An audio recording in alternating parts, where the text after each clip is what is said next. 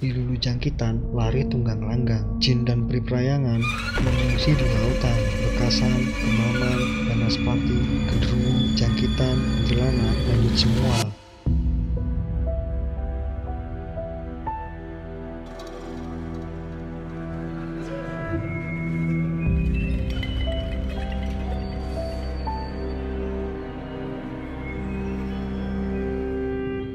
Assalamualaikum warahmatullahi wabarakatuh. Kembali lagi di ARC Horror Story. Apa kabar kalian?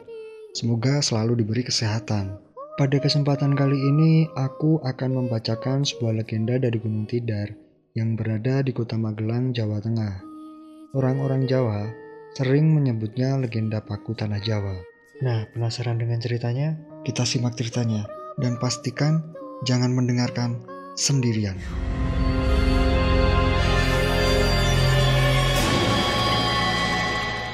Di Magelang terdapat sebuah bukit yang berada di tengah-tengah kota. Bukit itu sangat terkenal karena menjadi salah satu tempaan para taruna akabri. Bahkan, bukit itu menjadi salah satu ciri khas kota itu. Namanya Bukit Tidar, atau yang lebih dikenal sebagai Gunung Tidar. Konon, Gunung Tidar merupakan pusat atau titik tengah Pulau Jawa. Dahulu kala, tanah Jawa ini masih berupa hutan belantara yang tidak seorang pun berani tinggal di sana. Sebagian besar wilayah Jawa ini dahulu masih dikuasai beberapa makhluk halus. Konon tanah Jawa yang dikelilingi laut ini bak perahu yang mudah oleng oleh ombak laut yang besar. Maka melihat itu para dewata segera mencari cara untuk mengatasinya. Maka berkumpullah para dewa untuk membahas persoalan tanah Jawa yang tidak pernah tenang oleh hantaman ombak itu. Diutuslah sejumlah dewa untuk tugas menenangkan pulau ini mereka membawa sejumlah bala tentara menuju Pulau Jawa sebelah barat. Namun, tiba-tiba Pulau Jawa kembali oleng dan berat sebelah karena para dewa dan bala tentaranya hanya menempati wilayah barat. Agar seimbang, sebagian dikirim ke timur, namun usaha ini tetap gagal. Melihat kenyataan itu, maka para dewa sibuk mencari jalan pemecahan. Setelah beberapa waktu berembuk, maka didapatkanlah sebuah ide cemerlang. Mau tak mau, para dewa harus menciptakan sebuah paku raksasa, dan paku itu akan ditancapkan di pusat tanah Jawa, yaitu titik tengah yang dapat menjadikan Pulau Jawa seimbang. Dan paku raksasa yang ditancapkan itu konon dipercaya sebagian masyarakat sebagai Gunung Tidar. Dan setelah paku raksasa itu ditancapkan, Pulau Jawa menjadi tenang dari hantaman ombak. Menurut kepercayaan sebagian masyarakat, Gunung Tidar pada mulanya hanya ditinggali oleh para jin dan setan, yang konon dipimpin oleh salah satu jin bernama Kiai Semar. Alkisah datanglah seorang manusia yang terkenal berani, yaitu Syekh Subakir.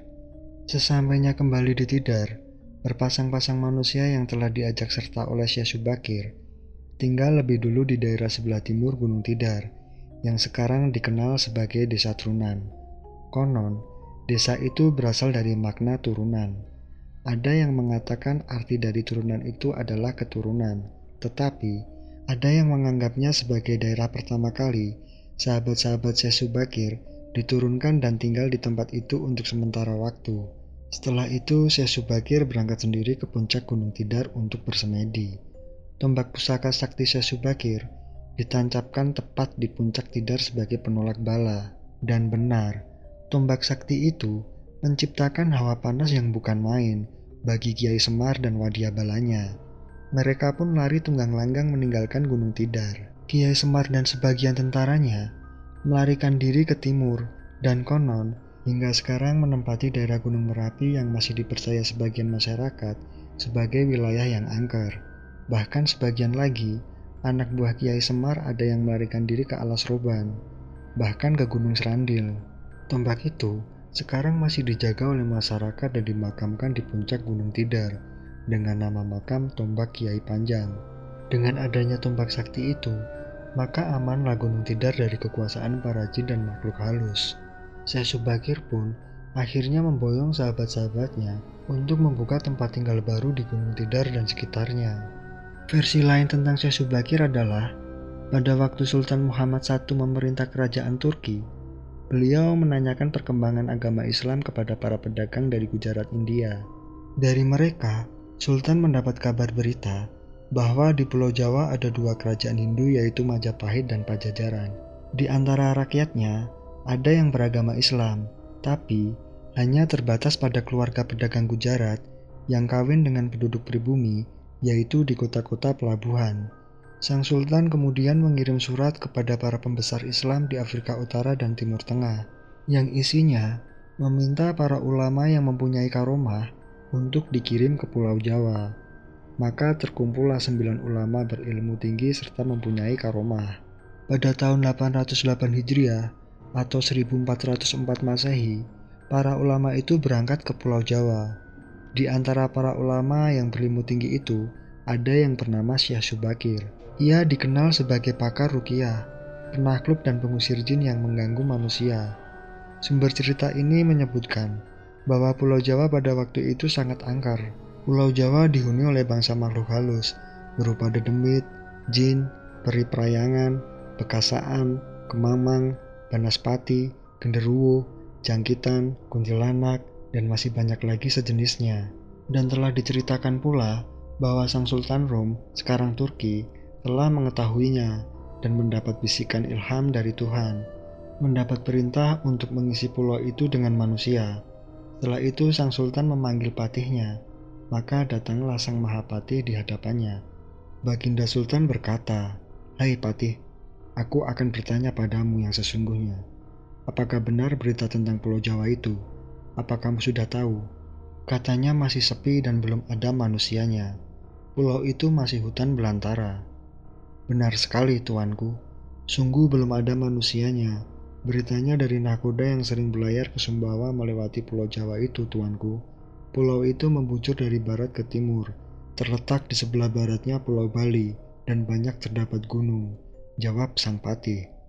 Baginda Sultan berkata dengan pelan, Hai patih, kamu bawalah dua leksa orang kepala keluarga. Cepat tempatkan di tanah Jawa agar mereka bertani, dan perbekali mereka dengan alat-alat pertanian. Demikianlah sang Mahapati segera mencari orang-orang pilihan, dan bergegas mempersiapkan perlengkapannya. Setelah membayar ongkos pelayaran dan telah siaga, dengan mengendarai perahu, lantas berangkatlah sang patih bersama 40.000 orang dengan cepat. Rum atau Turki adalah wilayah Eropa bagian timur. Tak terkirakan berapa jauh perjalanan yang dia tempuh menuju Pulau Jawa. Berbagai hambatan dan rintangan mereka lalui hingga akhirnya sampai di Pulau Jawa. 40.000 orang yang terdiri dari 20.000 pasangan suami istri itu ditempatkan di Pulau Jawa Sementara sang Mahapati kembali pulang ke negeri Rum. Namun apa yang terjadi? 40 ribu orang itu ternyata banyak yang mati. Konon, karena diteluh atau dimakan oleh segala lembut atau makhluk halus. Yang tersisa hanya 40 orang. Mereka akhirnya meninggalkan Pulau Jawa, berlayar kembali ke negeri Rum. Setelah sampai di negeri Rum, mereka dihadapkan kepada Baginda Sultan dan melaporkan sendiri kejadian yang menimpa rekan-rekannya. Kami banyak yang mati dimakan dedemit, jin dan bangsa sejenisnya. Sang Sultan kemudian memanggil seorang ulama besar yang dikenal sebagai ahli rukiah dan ahli ekologi lingkungan. Namanya Syekh Subagir, yang memiliki gelar Syekh Maulana. Ulama ini sangat disegani dan dihormati oleh rakyat. Bahkan, Baginda Sultan sendiri menaruh hormat kepadanya. Setelah Syekh Subagir datang menghadap, maka berkatalah sang Baginda Sultan, Wahai Tuan Syekh Maulana, saya sudah memberi tugas kepada Pati, tapi telah gagal. Sekarang tuanlah yang saya tunjuk. Pergilah ke Pulau Jawa yang terkenal angker itu. Pasanglah tumbal, tempatkan di gunung yang terletak di tengah-tengah Pulau Jawa, supaya bangsa halus yang memakan manusia itu pergi. Dan bawalah orang keliling agar mereka menetap tinggal di Pulau Jawa. Dan jangan lupa lengkapi mereka dengan persenjataan. Sang Mahapati mendapat titah untuk mempersiapkan segala keperluan perjalanan Syekh Subakir ke Pulau Jawa. Dalam pelayaran itu, Syekh Subakir singgah di tanah Hindustan India. Di sana ia mengambil 20.000 orang, lalu meneruskan perjalanan ke Pulau Jawa. Rombongan Syekh Subakir datang ke Pulau Jawa. Sebagai orang yang waskita, ia tahu bahwa pusat segala bangsa lembut adalah di Gunung Tidar, maka ia langsung menuju ke gunung paling angker itu.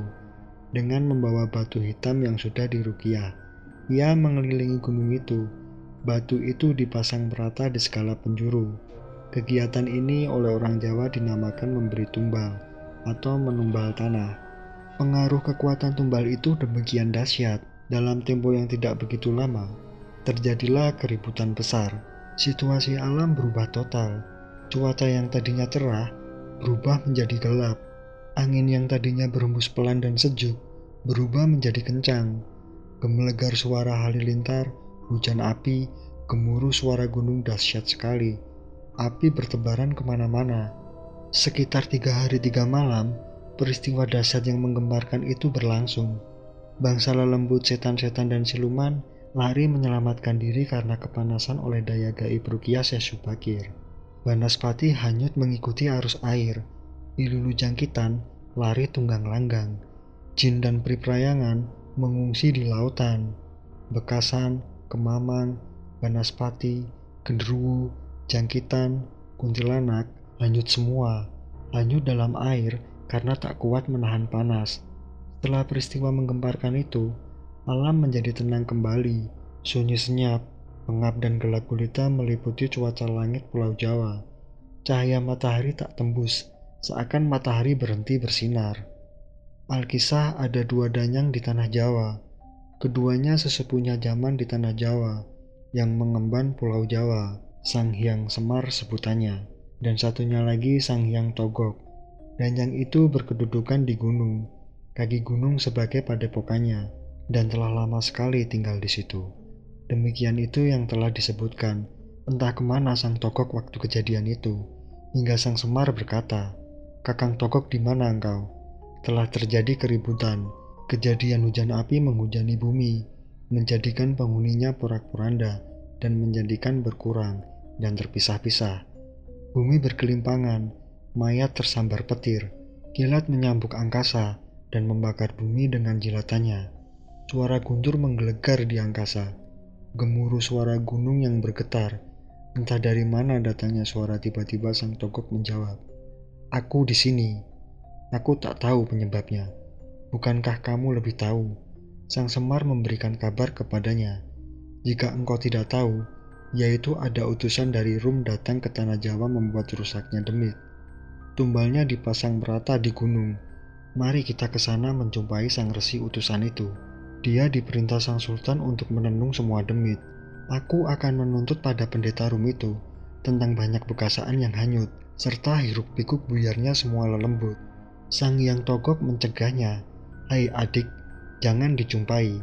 Ternyata keduanya berangkat juga untuk menemui sang resi dari Rum itu. Di perjalanan tidak diceritakan, setelah sampai di hadapan Syekh Subakir yang berada di Gunung Tidar, dia berkata, Tuan Subakir, sebagai pendeta kenapa Tuan datang ke sini membuat kerusakan? Syekh Subakir dengan perlahan berkata, Kisanak, kau ini siapa? Keluar dari mana Kisanak berdua? Baru kali ini aku melihatmu. Lantas apa yang Kisanak inginkan sampai datang kepadaku? Sang Yang Semar perlahan juga menjawab, Ya saya ini orang Jawa. Saya ingin bertemu Tuan. Syekh Subakir berkata, Beritanya tanah Jawa tempat yang belum ada manusianya, tempat yang masih hutan belantara. Sang Semar langsung menyangkalnya. Nyatanya saya orang Jawa. Saya ada sebelum Tuan datang.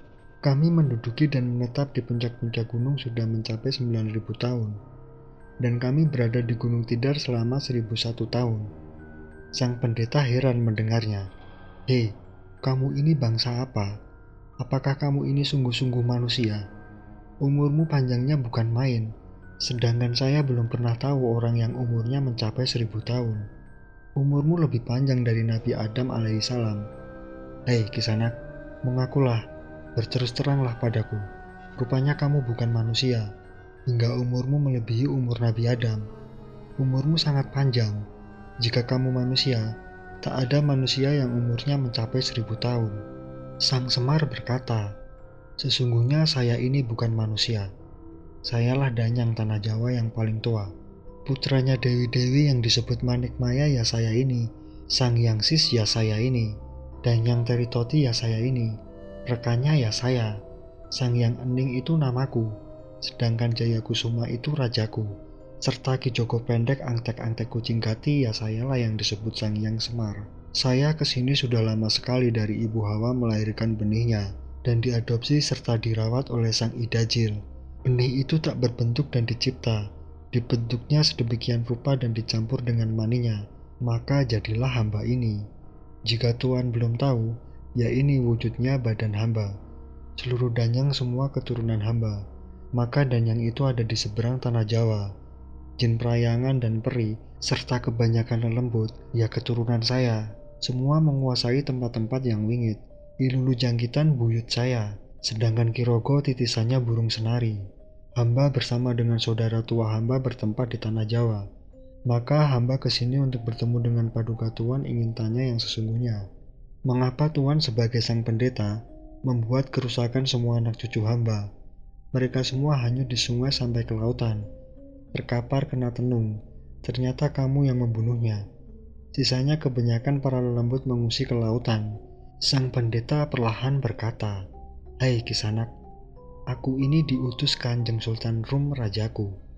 Maka aku disuruh mengisi manusia di Pulau Jawa, supaya berladang, bersawah, membuka hutan belantara. Yang kutempatkan ini orang dari negeri Rum banyaknya 2000 orang berkeluarga. Itu sudah kehendak Tuhan tidak bisa jika menghalanginya. Sang Yang Semar perlahan berkata, Syukurlah jika itu kehendak Sultan dari Rum. Sri Raja sendiri yang menyatakan mengisi manusia di tanah Jawa, menyuruh membuka hutan karena baginda sendiri. Semua itu terjadi pada takdir tanah Jawa. Selanjutnya saya Subakir membeberkan ramalan tentang kejadian di masa yang akan datang, mengenai raja-raja penguasa tanah Jawa, hingga nanti saat tenggelamnya Pulau Jawa. Mengapa Pulau Jawa tenggelam? Konon, hal ini untuk menyelamatkan umat Islam di Pulau Jawa, karena Dajjal nantinya mampu menghidupkan orang mati dan menjadikan orang tersebut kafir. Jika Pulau Jawa ditenggelamkan, sang Dajjal yang hanya punya mata sebelah itu tidak akan mampu melihat penghuni Pulau Jawa, karena Pulau Jawa sudah rata dengan lautan. Mengenai ramalan Raja-Raja Pulau Jawa dan situasi penduduk Pulau Jawa yang disampaikan Syekh Subakir, hampir sama dengan ramalan Jayabaya yang sesungguhnya ditulis oleh Sunan Giri. Konon, ada semacam perjanjian antara Sabdo Palon sebagai pamomong atau dan yang gaib tanah Jawa dengan Syekh Subakir sebagai penyebar agama Islam generasi awal di Jawa ini. Tersebutlah kisah tersebut dalam tulisan lontar kuno. Lontar tersebut diperkirakan ditulis oleh Kanjeng Sunan Derajat atau setidak-tidaknya oleh murid atau pengikut beliau. Cerita tentang kisah ini pernah dipentaskan sebagai lakon wayang kulit bergenre wayang songsong yang digelar di Desa Derajat, Paciran, Lamongan, sebuah desa tempat situs Sunan Derajat. Kisah diawali dengan adanya persidangan di Istana Kesultanan Turki Utsmania di Istanbul yang dipimpin langsung oleh Sultan Muhammad I. Persidangan kali ini membahas mimpi sang sultan. Menurut Sultan Muhammad, beliau bermimpi mendapat perintah untuk menyebarkan dakwah Islamiyah ke tanah Jawa. Adapun membaliknya harus berjumlah sembilan orang. Jika ada yang pulang atau wafat, maka akan digantikan oleh ulama lain asal tetap berjumlah sembilan. Maka dikumpulkanlah beberapa ulama terkemuka dari seluruh dunia Islam waktu itu. Para ulama yang dikumpulkan tersebut mempunyai spesifikasi keahlian masing-masing. Ada yang ahli negara, ahli perobatan, ahli tumbal, dan lain-lain. Titah dari baginda Sultan Muhammad kepada mereka adalah perintah untuk mendatangi tanah Jawa dengan tugas khusus yaitu penyebaran agama Islam. Hingga terjadinya dialog antara Sabdo Palon dengan Syekh Subakir yang terjadi di atas Gunung Tidar. Syekh Subakir adalah salah satu ulama yang diutus Sultan Muhammad untuk menyebarkan Islam di tanah Jawa ini. Adapun keahlian Syekh Subakir adalah dalam bidang membuat dan memasang tumbal. Dialog yang penulis turunkan ini adalah dialog versi imajiner yang penulis olah dari hikayat tersebut dengan bahasa penulis sendiri. Dalam dialog tersebut, Syekh Subakir berkata, Kisanak, siapakah Kisanak ini? Tolong jelaskan. Sabdo Palon menjawab, Aku ini Sabdo Palon, pengembala tanah Jawa sejak zaman dahulu kala, bahkan sejak zaman kedewataan. Akulah pamomong para kesatria leluhur Dulu aku dikenali sebagai Sang Yang Ismoyo Jati, lalu dikenal sebagai Kilura Semar Bodronoyo, dan sekarang zaman Majapahit ini namaku dikenal sebagai Sabdo Palon. Syekh Subakir bertanya lagi, Oh, Berarti kisanak ini adalah Danyang, penguasa tanah Jawa ini. Perkenalkan kisanak, namaku adalah Syekh Subakir, berasal dari tanah Syam, Persia. Sabdo Palon bergantian bertanya, ada hajat apa gerangan? Anda datang di tanah Jawa ini? Syekh Subakir menjawab, saya diutus oleh Sultan Muhammad yang bertahta di negeri Istanbul untuk datang ke tanah Jawa ini. Saya tidak datang sendiri, kami datang dengan beberapa kawan yang sama-sama diutus oleh Baginda Sultan. Ceritakanlah selengkapnya kisanak, supaya aku tahu duduk permasalahannya, kata Sabdo Palon. Syekh Subakir pun melanjutkan, Baiklah, pada suatu malam Baginda Sultan Muhammad bermimpi menerima ilham. Ilham dari yang akarya jagat, Gusti Allah Zat yang Maha Suci lagi Maha Luhur, diperintahkan untuk mengutus beberapa orang alim ke tanah Jawa ini yang dimaksud orang alim ini adalah sebangsa pendeta, brahmana, dan resi di tanah Hindu. Pada bahasa kami disebut ulama. Jadi kisanak ini termasuk ulama itu tadi? Tanya Sabdo Palon. Syekh Subakir menjawab, Ya, saya salah satu dari utusnya yang dikirim Baginda Sultan. Adapun tujuan kami dikirim kemari adalah untuk menyebarkan ajaran suci, pemedar agama suci, yaitu Islam. Bukankah Kisanak tahu bahwa di tanah Jawa ini sudah ada agama yang berkembang, yaitu Hindu dan Buddha, yang berasal dari tanah Hindu? Buat apa lagi Kisanak menambah dengan agama yang baru lagi? Tanya Sabdo Palon. Syekh Subagir menjawab, biarkan rakyat memilih keyakinannya sendiri.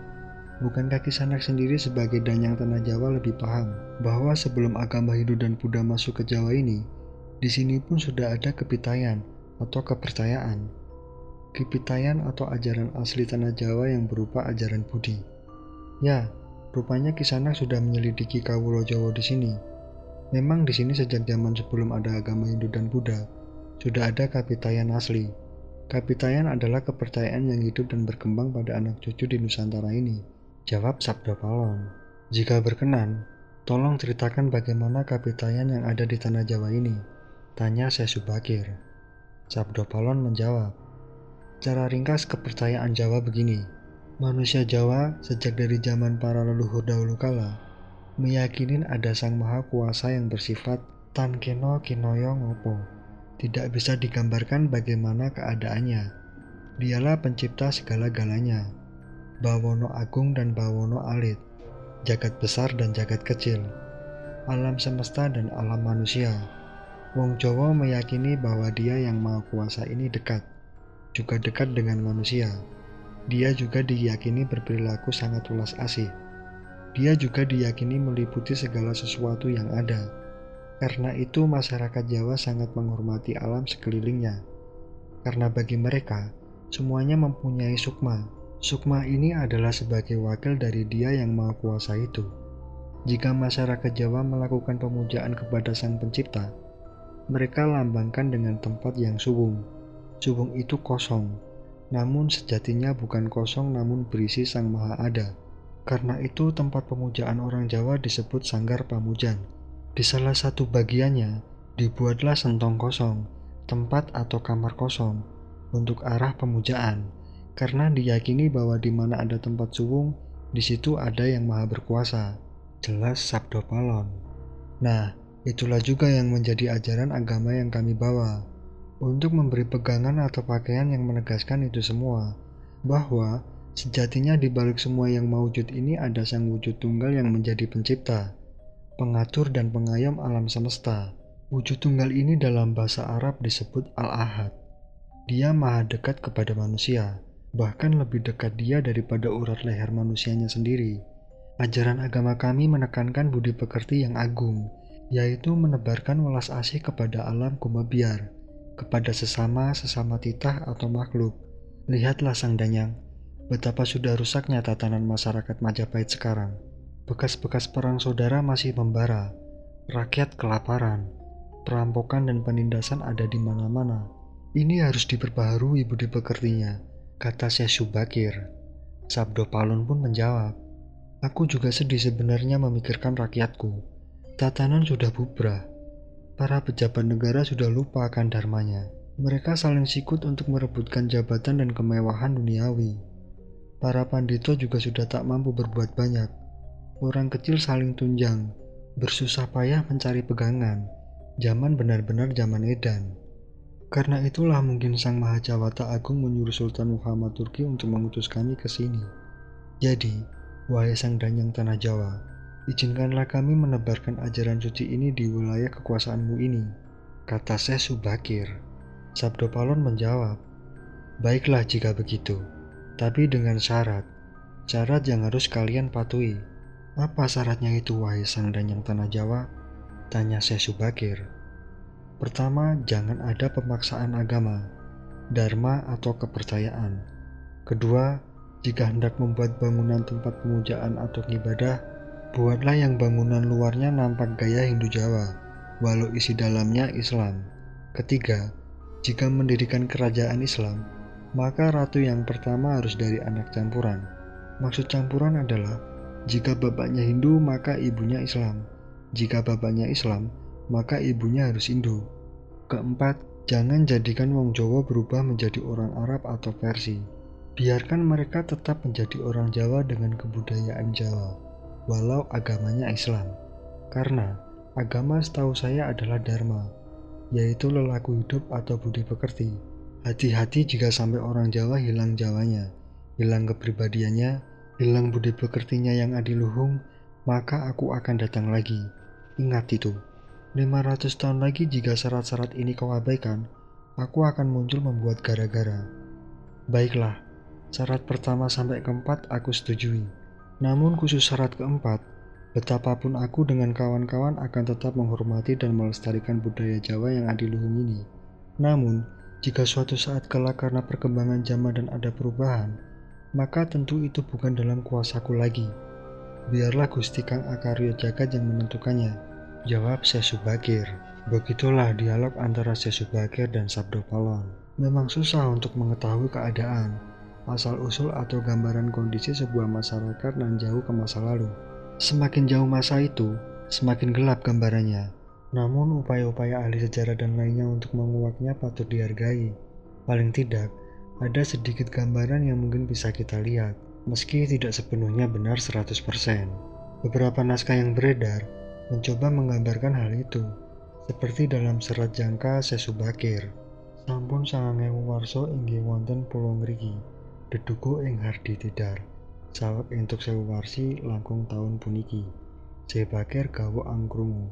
Diko niku wong nopo, nopo tak ayak dijanmi, umur Diko dene tak keliwat-keliwat. Yang artinya antara lain, sudah 9000 tahun, saya Semar sudah ada di Pulau Jawa, di Padusunan di Gunung Tidar, tapi baru seribu tahun berjalan di sini. Saya Subakir heran mendengarnya. Engkau ini makhluk apa? Apa benar manusia? Kok usianya luar biasa? Demikian perkenalan Semar dengan saya Subakir. Selama ribuan tahun itu, Semar bertapa di Gunung Merbabu dan tidak mengetahui keadaan manusia di Jawa. Gambaran tentang kondisi Pulau Jawa juga digambarkan dalam serat tersebut penuh dihuni oleh demit, jin, genderuwo, bekasaan, dan sejenisnya. Bahkan, beberapa utusan dari negeri Rum sebelum Sesubakir dimakan demit. Dari serat ini ditegaskan bahwa Raja Rum mendapat petunjuk untuk mengisi Pulau Jawa. Jeng Sultan Rum Kang Winarni angsal sasmitaning sukmo dinawuhan angiseni manungso pilo jawi. Syekh Subakir mengambil orang-orang keling untuk dibawa mengisi pulau Jawa. Sebanyak dua laksa, dua ribu keluarga. Dari serat ini, maka yang menjadi penghuni pulau Jawa adalah dari bangsa keling yang dibawa oleh Syekh Subakir. Padahal, dalam naskah itu pula, Semar adalah manusia, namun Selama bertapa ribuan tahun itu pula, Pulau Jawa sudah berubah isinya, bukan manusia seperti Semar, tetapi sudah dikuasai oleh para demit. Dalam serat jangka Tanah Jawi, gambarannya tidak beda jauh dengan serat jangka Syekh Subakir, yaitu pertemuan antara Semar dengan Syekh Subakir. Ketika Syekh Subakir memberi tumbal atau mengusir para dedemit yang menguasai Tanah Jawa. Dalam serat ini, ada dialog yang sebenarnya adalah bantahan anggapan bahwa tanah Jawa belum dihuni oleh manusia dan hanya dihuni oleh bangsa jin dan demit. Jika di bahasa Indonesia kan, kurang lebih dialognya seperti ini. Syekh Subakir berkata, Sebenarnya di tanah Jawa belum ada manusia, masih berupa hutan. Yang Semar menjawab dengan lembut, hamba ini sebenarnya di masa lalu sebelum kedatangan Tuan, hamba berdua Semar dan Togok. Ini penghuni Jawa yang bertempat di Gunung Merbabu. Namun dalam serat ini, Semar sendiri menjelaskan bahwa dia bukan manusia, tetapi keturunan dewa, sang yang tunggal atau manik maya. Agak sedikit berbeda memang dengan serat Jangkasya Subakir. Namun, pada intinya, bahwa Semar dan Togok di masa lalu adalah penghuni Pulau Jawa. Apakah hanya mereka berdua? Tentu ini bisa disinkronkan dengan sumber-sumber lain, misalnya Babat Demak Pasisiran, yang menerangkan silsilah orang tua Sang Yang Tunggal adalah Sang Yang Menang, putra dari Sang Yang Nurasa, putra dari Sang Yang Nur Cahyo, atau Sayyid Anwar, putra dari Nabi Sis. Dalam versi lain, Sang Yang Mening dan Menang adalah satu pribadi. Dalam serat Jangka Tanah Jawi, Semar adalah keturunan dari Nabi Sis. Jika digabungkan Babat Demak Pasisiran, karena anak dari Sang Yang Tunggal. Namun, dalam babat Demak Pasisiran, nama Semar tidak muncul sebagai anak sang yang tunggal. Di sinilah letak gelapnya lagi. Semar di satu sisi mengaku anak sang yang tunggal, namun dalam babat Demak Pasisiran tidak masuk. Demikian pula dalam babat Tanah Jawa, Semar dan Togok itu menjadi pengikut Raden Palasara yang merupakan keturunan dari Sayyid Anwar. Dalam babat Tanah Jawa, Palasara merupakan cikal bakal leluhur Jawa di mana kemudian Kurawa Pandawa adalah bagian dari keturunannya. Ini menjadi terbalik, bahwa kisah Mahabharata itu mulanya dari Jawa. Dalam serat Babat Demak Pasisiran, Nabi Ibrahim itu berada dengan Batara Brahma. Nabi Ibrahim berada pada garis silsilah Sayyid Anwas, saudara Sayyid Anwar. Batara Brahma adalah keturunan dari Sayyid Anwar. Masa-masa gelap ini memang memunculkan banyak versi mengenai leluhur Jawa. Buku lain, yaitu Sejarah Kawitane Wong Jawa lan Wong Kenung, menggambarkan pertama zaman Jama Juja sudah ada manusia, tetapi masih bertelanjang seperti kera. Hidupnya di gua-gua. Masih dalam masa Jama Juja periode 5000 tahun sebelumnya. Manusianya sudah mengalami kemajuan, sudah memakai celana dalam dari dedaunan, sudah menempati di luar gua. Mereka sudah berkumpul dalam sebuah komunitas Masyarakat ini disebut dengan masyarakat Lingga atau suku Lingga. Masa kuno sebelum Masehi, orang-orang Sampit berhijrah ke Nusa Kendeng yang kemudian disebut sebagai orang Jawa. Kata Jawa sendiri dirujukan pada sebutan banteng yang gemati, penuh perhatian terhadap anaknya. Sebab banteng perempuan disebut Jawi, yang gemati, kemudian disebut Jawa. Orang-orang Sampit yang mengungsi ke Jawa ini kemudian membuat pertanda awal sebagai orang Jawa yaitu 230 tahun sebelum Masehi. Tahun itu disebut tahun pengingat. Tokoh pimpinan rombongan Eksodus ini namanya Ki Sengdang, yang kelak kemudian disebut Dang Hyang atau Danyang. Mereka berasal dari Sampit yang keturunan dari suku Hainan. Dari catatan ini, maka orang Jawa dalam pengertian pendatang baru yang mau menghormati orang Lingga. Namun penduduk Jawa asli, suku Lingga kemudian bercampur dan kelak memenuhi Jawa. Dengan demikian, mulainya peradaban Jawa itu 230 sebelum Masehi karena adanya kebudayaan Hainan yang dibawa. Sementara suku Lingga yang masih tertinggal hidup di gua, hutan dan bergantung pada alam, belum disebut sebagai orang Jawa. Ini tentu berbeda dengan versi serat jangka Syekh Subakir dan serat jangka Tanah Jawi. Jika kita lihat kedatangan Syekh Subakir di Tanah Jawa dari sumber lain, sekitar tahun 1404, jika berasumsi bahwa sebelum tahun itu tanah Jawa tak ada manusianya, maka akan muncul banyak persoalan. Bagaimana dengan kerajaan Singosari, Kediri, dan lainnya yang sebelumnya ada? Tentu membaca serat jangka Sesubage dan serat jangka Tanah Jawi ini tidak bisa seletterlek ini. Mungkin butuh analisis simbol, semiotik, hermeneutik, dan lain sebagainya agar mendapat pemahaman yang lebih luas. Sebab, serat jangka itu pesan besarnya adalah mengenai prediksi masa depan Jawa dalam periodisasi tertentu, bukan membahas asal-usul bangsa Jawa. Jadi, masih terbuka lebar untuk penelitian yang lebih jauh dan mendalam siapa sebenarnya leluhur orang Jawa di masa lampau. tentu tidak akan ditemukan jawaban tunggal, sebab sebuah masyarakat terdiri dari berbagai unsur, keluarga, dan sebagainya, maka akan dimungkinkan banyak versi. Kembali lagi, bahwa kata Jawa itu bisa diartikan kemati, perhatian, menghargai, menyayangi. Jadi siapa pun mereka bisa melakukan itu semua di Pulau Jawa ini, akan menjadi leluhur Jawa, entah dia dari belahan dunia mana pun.